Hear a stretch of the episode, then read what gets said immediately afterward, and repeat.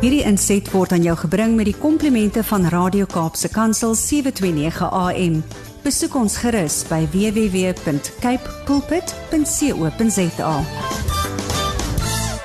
Time to hang out with Zantie Swanepoel. It's that time of uh, the week, and Wednesdays wouldn't be the same unless you had one of her wonderful stories. Before we even get to talk to her about that, we want to know.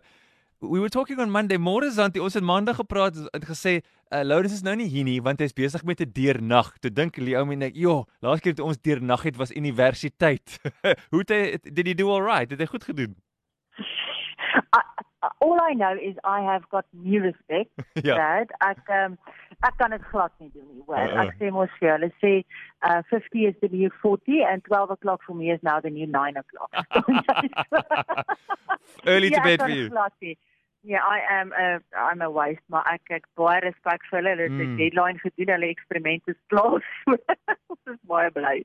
Yeah, we thought we thought we'd check in. I'm glad everything went well as we expected it would. Wat het jy vir ons vandag? Ons is lief vir stories. Ons is lus. Mense het al hulle koffie geskink. Ons wag nou Zanti. Fantasties, fantasties. Weet jy wat? Vir oggend wil ek praat oor en ek gaan nogal vinnig praat en dan wil ek in my storie inkom sodat ek nie meer tyd vat as wat ek moet nie.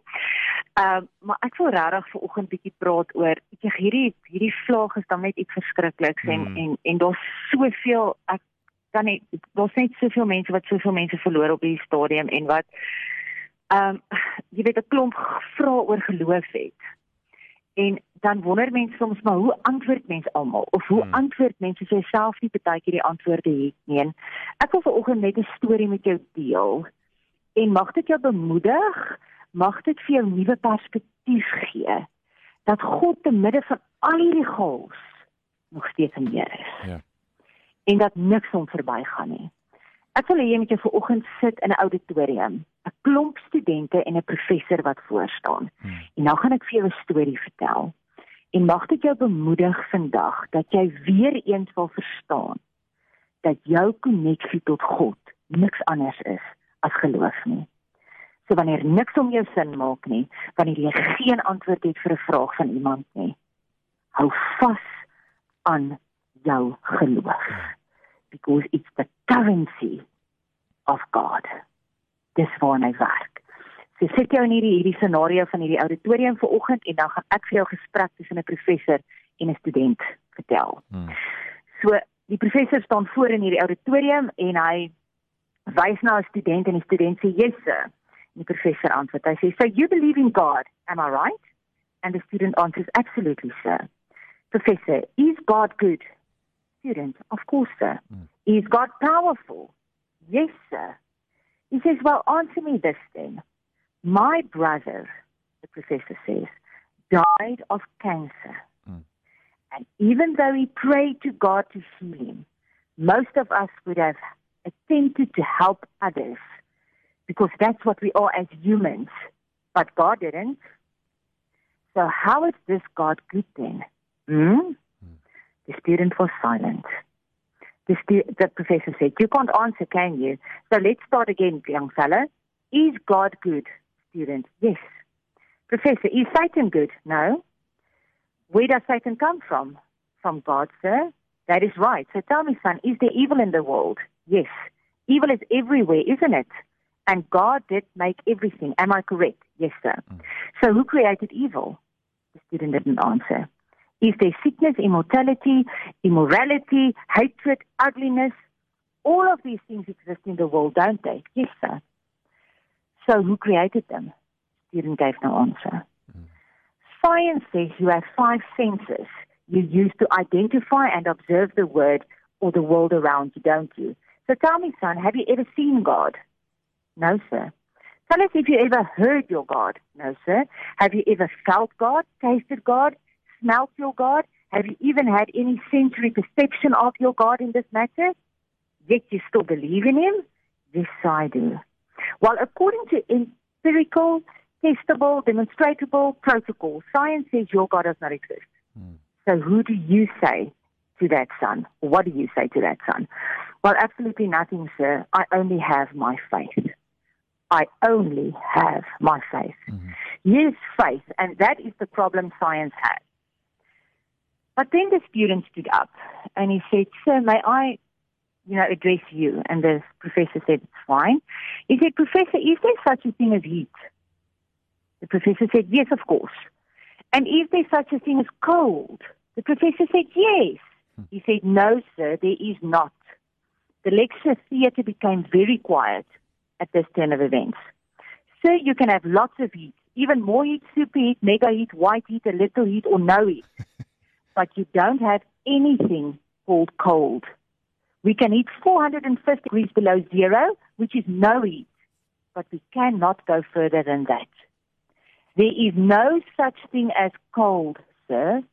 Cold is only a word we use to describe the absence of heat. We cannot measure cold. Heat is energy, but cold is the opposite of heat, sir. Just the absence of it. There was a pin drop silence in the lecture theatre, you yeah. can just imagine. Yes. The student went on. He said, What about darkness, Professor? Is there such a thing as darkness? Yes, what is night if there's not darkness? The professor answered. Well, you are wrong again, sir. Darkness is the absence of something. You can have low light, normal light, bright light, flashing light. But if you have no light constantly, you have nothing, and that is called darkness, isn't it? In reality, darkness isn't. Because if it is, you would be able to dark, make darkness darker, wouldn't you? So what is the point you are making, young man? Sir, my point is that your philosophical premise is flawed. Flawed. Explain me how. Sir, you are working on the premise of duality. You argue there is life and there is death, a good God and a bad God.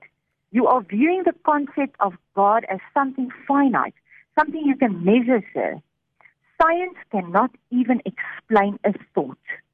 It uses electricity and magnetism, but has never seen, much less fully understood, understood either one. To view death as the opposite of life is to be ignorant of the fact that death cannot exist as a substantive thing. Death is the opposite of life just the absence of it. Now tell me, Professor, do you teach students that they evolved from a monkey? Professor answers, if you're referring to the natural evolutionary process, yes, of course I do. He says, the student asks, have you ever observed evolution with your own eyes, sir? Professor thinks, no. Student, since no one has ever observed the process of evolution at work and cannot even prove that this progress is ongoing is now a, a, ongoing endeavor. Are you not teaching your opinion, sir? Are you not a scientist, but rather a preacher? The student, is there anything in this class who has ever seen the professor's brain? Now there's now it's dead quiet. He asked the students, Has any one of you seen the professor's brain? They are all quiet. Is there anyone who has ever heard the professor's brain? Felt it, touched it, or smelt it. No one appears to have done so. According to the established rules of empirical, stable, demonstrable protocol science, it now says that you have no brain, sir. So, with all due respect, how can we trust your lecture, sir? The room was silent. Mm-hmm. The professor answered, I guess you have to take them on faith, son the student. That is it, sir. Exactly. The link between man and God is faith. That is all that keeps things alive and moving. And this student's name was Albert Einstein. I want to leave you with the following. Faith is all we have but all we need. It's all we need. Mm. And that is sometimes when I think where, where God says we have to become like children. Because when we get difficult questions in the times we are living in right now, when people die around us that we've prayed for, when we lose our job that we trusted for, when so many things around us is in havoc and we have nothing than our faith mm. that tomorrow will be better than today. I want to encourage you. That is all you need. Because God says if we can be like children, children don't have very difficult questions. Children just come and look in your eyes. If I think about Dakota at night when Lawrence prays for her, she just looks in his eyes and she says to him, Is everything going to be okay? Mm. And when Lawrence looks back at her and he says, Everything will be fine, she turns around and she sleeps. Mm. It's enough. May God's word towards you be enough today. That even if you are broken, even if you are at a place where nothing works, nothing is understandable, may you be at that place where you look in God's eyes, where He sits in front of you on His knees and says, even if you don't understand, trust me and have faith that all will be well. Amen. Hierdie inset was aan jou gebring met die komplimente van Radio Kaapse Kansel 729 AM. Besoek ons gerus by www.cape pulpit.co.za.